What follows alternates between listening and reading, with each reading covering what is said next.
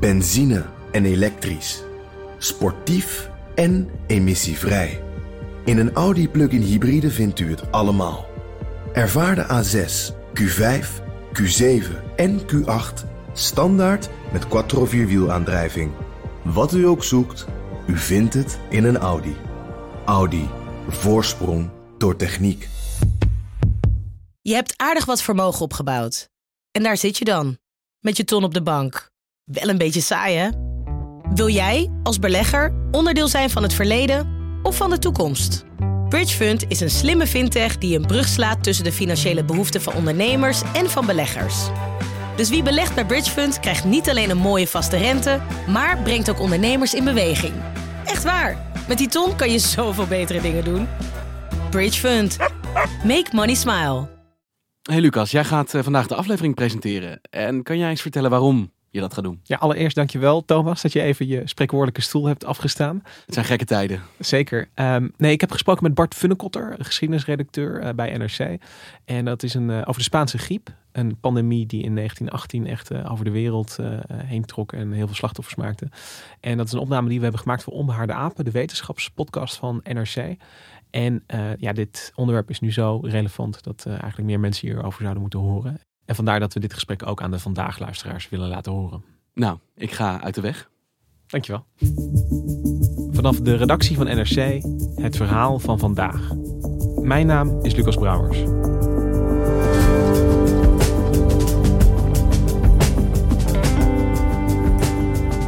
In 1918 waarde er ook een pandemie over de wereld. Eentje waaraan tientallen miljoenen mensen stierven. De Spaanse griep. Geschiedenisredacteur Bart Funnekotter sprak met historici over deze ziekte en stelde de vraag: wat kunnen wij nu van deze pandemie leren?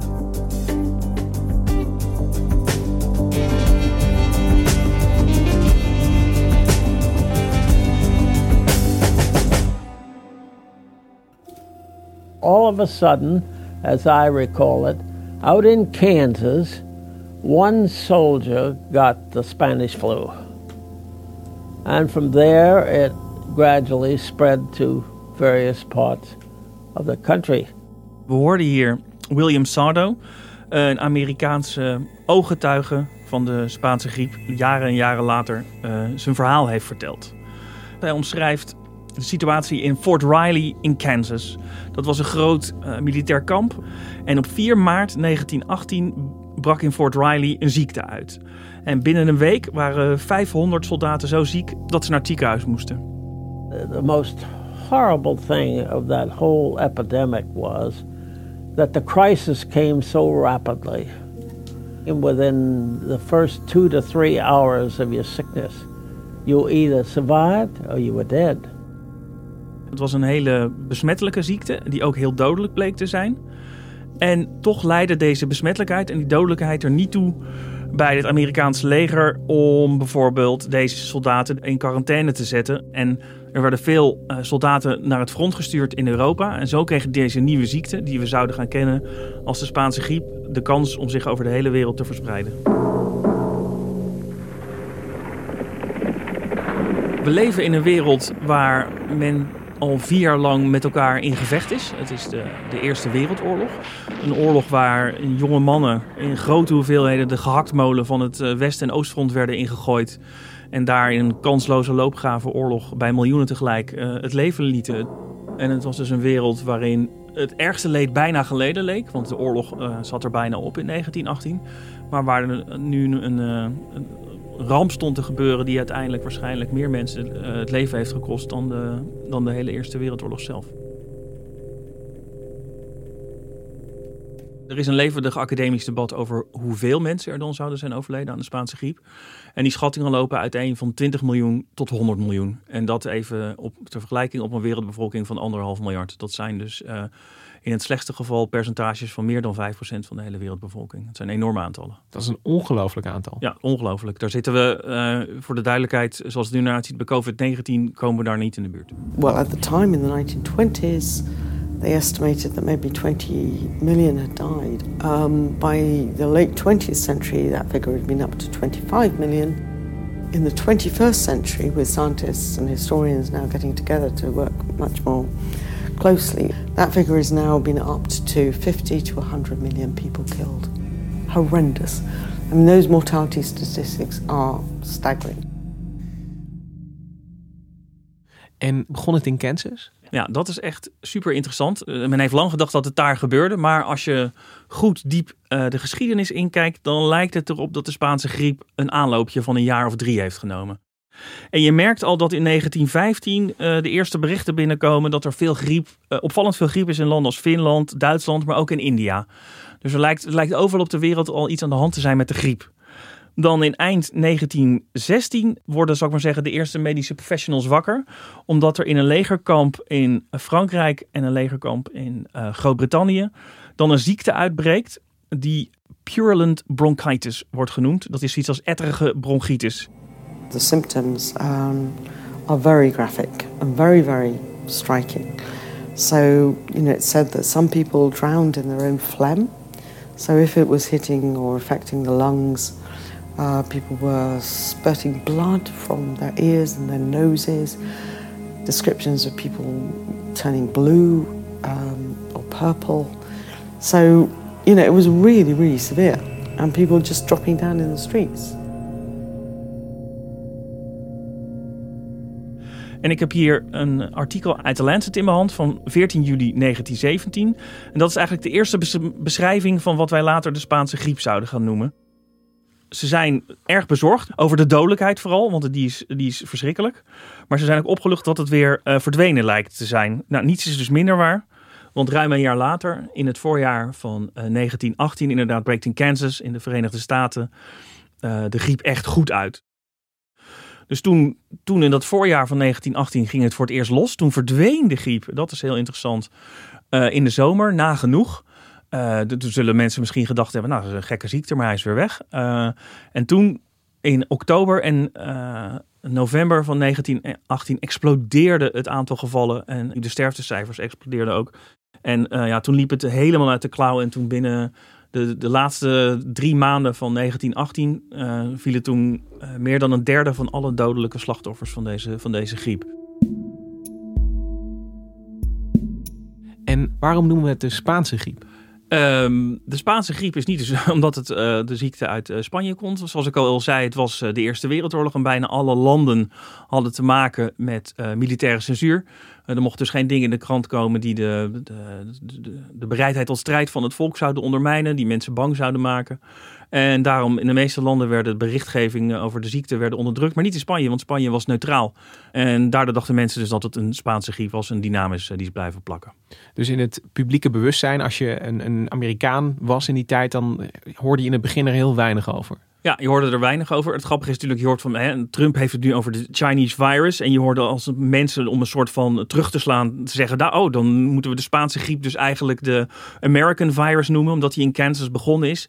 Maar dat is dus ook niet, hè, ook niet waar, want de griep, die griep waarde waarschijnlijk al een paar jaar lang uh, rond over de wereld. Ja. Uh, je beschrijft die dynamiek dat het nog eigenlijk het hardst terugkwam in, in de herfst en winter van, uh, van 1918. Ja. En dan is het is het dan nog beperkt tot legerkampen en, en die jonge mannen uh, aan het front? Of, of heb je het dan ook, dringt het dan ook door in gemeenschappen en in, in steden over de wereld? Overal. Uh, dringt door op plekken waar ze nog nooit een kanon hebben horen rommelen aan het front. Uh, echt, je kan geen plek op de wereld verzinnen waar mensen wonen.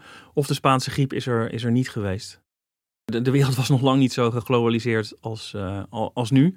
Maar juist ook vanwege die oorlog waren er veel mensenstromen, veel handelstromen. Dus dit was absoluut een mondiale pandemie.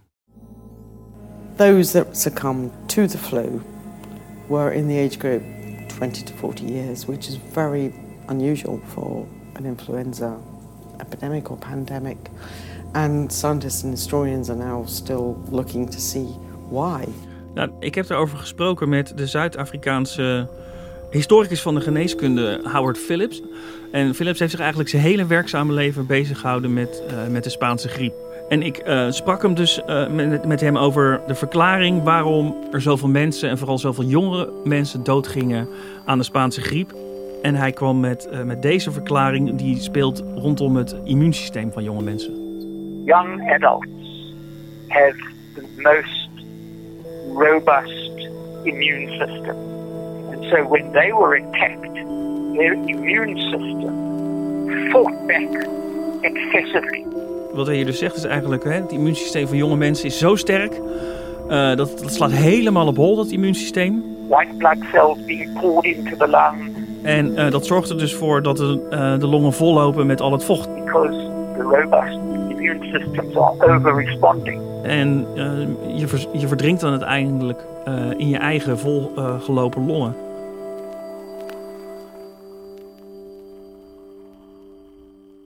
Omdat ik toch iemand blijf van, uh, van de letteren, uh, waar ik ook nog even een andere uh, verklaring opperen. Die Howard Phillips, waar Howard Phillips mee kwam in het gesprek dat ik met hem had. En dat is een verklaring die je meer sociologisch, als sociologisch zou kunnen omschrijven.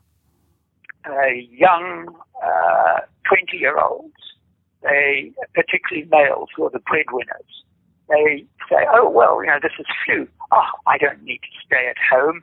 It's only flu. So they go to work, and of course that worsens their condition enormously. Daar wreekt zich dus het gebrek aan een sociaal vangnet aan het begin van de 20e eeuw. Uh, mensen die uh, moesten werken om te kunnen eten. En dus bleven mensen werken om te eten. En dat is gelukkig een parallel die niet met Nederland te trekken is, maar bijvoorbeeld wel met de Verenigde Staten. Dus dat geeft uh, stof tot nadenken. Nou, en dat zou er ook toe kunnen leiden dat er meer overdracht blijft in de gemeenschap van, van het virus. Dat als, als mensen gewoon proberen door te gaan zo lang mogelijk met het, met het normale leven, dan, ja. dan blijft het virus gelegenheden vinden om over te springen. Ja, wat wel een uh, belangrijk verschil is met de huidige situatie, is dat het niet de kostwinners zijn die uh, overlijden aan, aan uh, COVID-19, maar oudere mensen die al niet meer hoeven te werken om in een levensonderhoud te voorzien, die niet elke dag naar hun werk hoeven. Dus dat lijkt bij alle ellende een, een, een klein positief, positieve kanttekening die we kunnen maken. Ja, we hebben het nu eigenlijk gehad over de, eh, de, de menselijke kant, zeg maar. Van, van uh, wie was er kwetsbaar voor en uh, ja, hoe gedroegen ze zich en waarom waren ze dan zo kwetsbaar?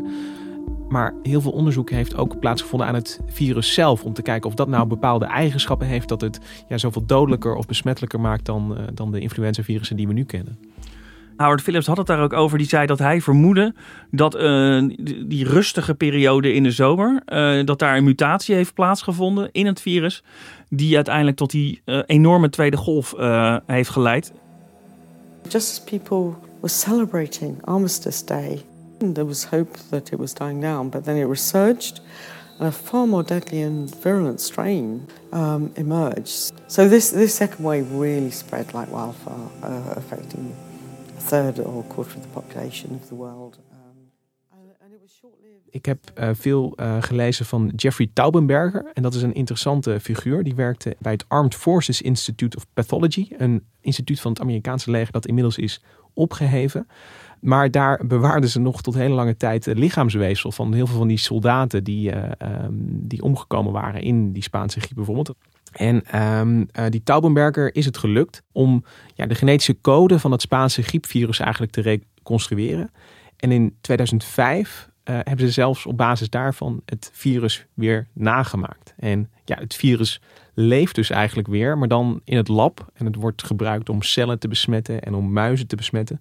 En op die manier wordt er ook gekeken naar van, van doet het virus nou iets uh, bijzonders. Maar er is niet echt iets aan het virus zelf dat het een, een enorme killer maakt. Um, al is er wel een gedachte dat om, omdat het hele pakket zeg maar nieuw is, hè, die, die H en die N en dan die uh, zes andere genen die het heeft, um, dat, dat zo'n nieuw totaalpakket eigenlijk wel ja, heel snel om zich heen kan grijpen. En uh, ik las iets van die Taubenberger, die noemt de Spaanse griep de moeder aller pandemieën, omdat we eigenlijk nooit van het 1918-virus zijn afgekomen. Omdat die, dat pakket van genen, al, stukjes daaruit, die zwerven nu gewoon rond in de virussen die ons nu elke winter weer treffen. Maar uh, Philips in dat gesprek uh, dat ik met hem had, die speculeerde erop dat, het, dat er in de zomer een soort van mutatie had plaatsgevonden waardoor het dodelijker werd. Maar dat is dus eigenlijk, dat kunnen we niet aantonen in, in restjes die we gevonden hebben. Nee, dat, is, dat blijkt daar niet uit. Dus dat, ja, dat blijft een, een beetje gissen, ben ik bang. Um, wat we weten is, is dat virussen dus over het algemeen milder worden. En, en ze, ze muteren niet snel tot een, een, een hele gevaarlijke, dodelijke variant. Want ja, zoals ik zeg, dat, dat, dat pietert snel uit. Ik heb, ik heb die dodelijke mutatie heb ik niet, uh, die heb ik niet teruggevonden.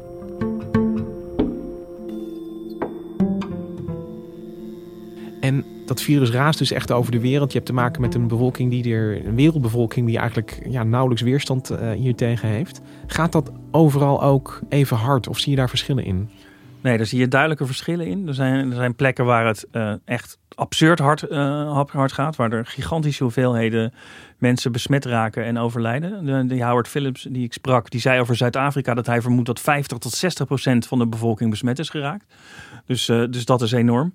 En wat wel een aardig voorbeeld is, om ook te zien hoe uh, omgang met de Spaanse griep leidde tot heel verschillende uitkomsten. Daar verreis ik nu even heel ver weg van, alle, van het front uh, in, de, in Europa, van alle drukke steden waar mensen elkaar makkelijk aansteken. We gaan naar de, de Stille Oceaan. American Samoa, one of the loveliest spots in all the Pacific. A place of rare beauty, of constantly changing scenery, of happy people. But there are two Samoas, American and Western. Daar lagen redelijk dicht bij elkaar twee eilandjes. Western Samoa, dus Wester Samoa en Amerikaans Samoa. Western Samoa uh, was de, het territorium, het gebied op de wereld dat het relatief het hardst getroffen is door de Spaanse griep. Omdat in totaal uiteindelijk daar een kwart van de bevolking van het eiland zou te komen te overlijden. Een kwart van de bevolking. Ja. Dat is echt, als je dat voorstelt, is dat ongelooflijk. Ja, ik vroeg aan Howard Phillips um, hoe dat uitpakte in Western Samoa en hoe dat uitpakte in het nabijgelegen American Samoa. Seems to me there's a lesson there to be learned about the power of strict quarantine to save a population. Want wat was nou het verschil tussen eh, Western Samoa en Amerikaans uh, Samoa, waar niemand overleed? Western Samoa mocht iedereen gewoon op het eiland komen. En de gouverneur van Amerikaans Samoa had gezegd: niemand komt op dit eiland. Dus daar was sprake van een totale quarantaine, en die dus een, eh, een 100% resultaat had. En daar, daar zie je dus dat ja, de maatregelen die een gemeenschap neemt om zichzelf te beschermen, dus een enorm verschil kunnen maken.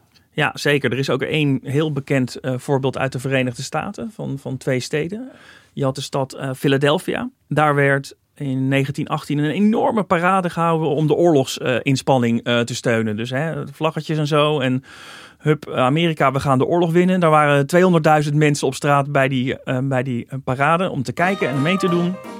With deadly consequences, no more so than in Philadelphia, which went ahead with a huge war bond parade in the fall of 1918, when the virus was at its most virulent.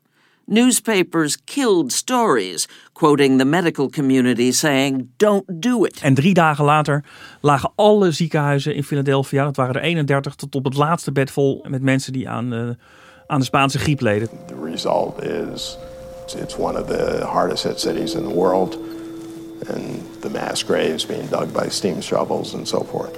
And how many people died? Uh, about 14,500 in Philadelphia. Daaraan zag je trouwens ook wel dat de incubatietijd van de Spaanse griep veel korter is dan die van, uh, van COVID-19. En aan de andere kant had je uh, de stad St. Louis, waar zodra de eerste mensen verschijnselen begonnen te vertonen van deze gekke nieuwe ziekte, het gemeentebestuur besloot om bibliotheken dicht te gooien, theaters dicht te gooien, zelfs kerken dicht te gooien. En we hebben het hier over begin 20e eeuw uh, Verenigde Staten. Dus daar is kerken dichtgooien echt een enorme majeure maatregel.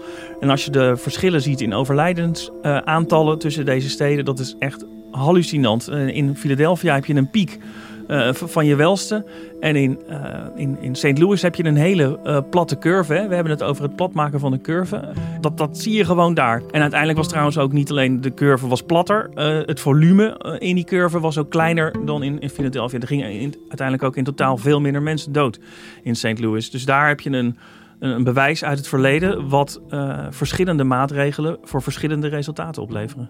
En aan de ene kant zie jij dat als, als hoopgevend, Bart, dat, dat je als je dus een, een bestuurder hebt die ja, daarin durft in te grijpen en, en dat, dat snel en, en kordaat doet, dan, dan heb je dus ook iets om ja, terug te vechten eigenlijk. Of dan, dan kun je in ieder geval het, het, het, resultaat meer naar je hand zetten. Ja, zeker. We zijn niet machteloos als het gaat om zo'n uh, zo'n pandemie. Wat wij moeten doen is eigenlijk best eenvoudig. Uh, gisteren zag ik de Engelse tv-presentator Piers Morgan op tv uh, schreeuwen tegen de camera. I mean, how bad is this? Seriously. How big a sacrifice do you think you're making for your country? En die zei: Wat er van ons nu wordt verwacht, is niet dat we naar het front gaan. Niet dat we in de loopgraven kruipen. Nee, wat er van ons wordt verwacht, is dat we thuis gaan zitten en tv kijken. You're being asked to just go home, sit there and do this, watch telly. What is wrong with people? En dat is denk ik voorlopig de essentie van wat we kunnen leren. Uh, eh, van de Spaanse griep is dat blijkt dat als je jezelf isoleert. Kijk, we kunnen ons niet zo goed isoleren als Amerikaanse Samoa. Door gewoon te zeggen, er komt hier geen boot meer aan. Maar ook kleinere beetjes helpen. Dat zie je dus in eh, het verschil tussen eh, Philadelphia en St. Louis. Vooropgesteld, het is een, een totaal ander virus en we leven in een andere wereld. Maar ik denk toch dat er een paar belangrijke lessen zijn die we uit de geschiedenis van de Spaanse griep kunnen leren. De allerbelangrijkste les is afstand houden. Blijf bij jezelf of je gezin. Ga niet op straat. Die gezelligheid komt wel weer in 2022.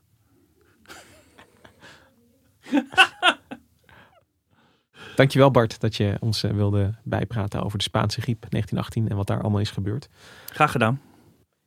Wil je het hele gesprek tussen Lucas Brouwers en Bart Funnekotter terughoren? Abonneer je dan op de NRC Wetenschapspodcast Onbehaarde Apen. Te vinden in alle grote podcast-apps. Je luistert naar vandaag en we volgen de ontwikkelingen rond de corona-uitbraak natuurlijk op de voet. Zoals de grootschalige verwarring die in Nederland ontstond na de persconferentie van Mark Rutte begin deze week. Wat zijn de regels nu precies? En wat geldt er nou tot 1 juni? Ik bel met binnenlandverslaggever Elsje Jorritsma.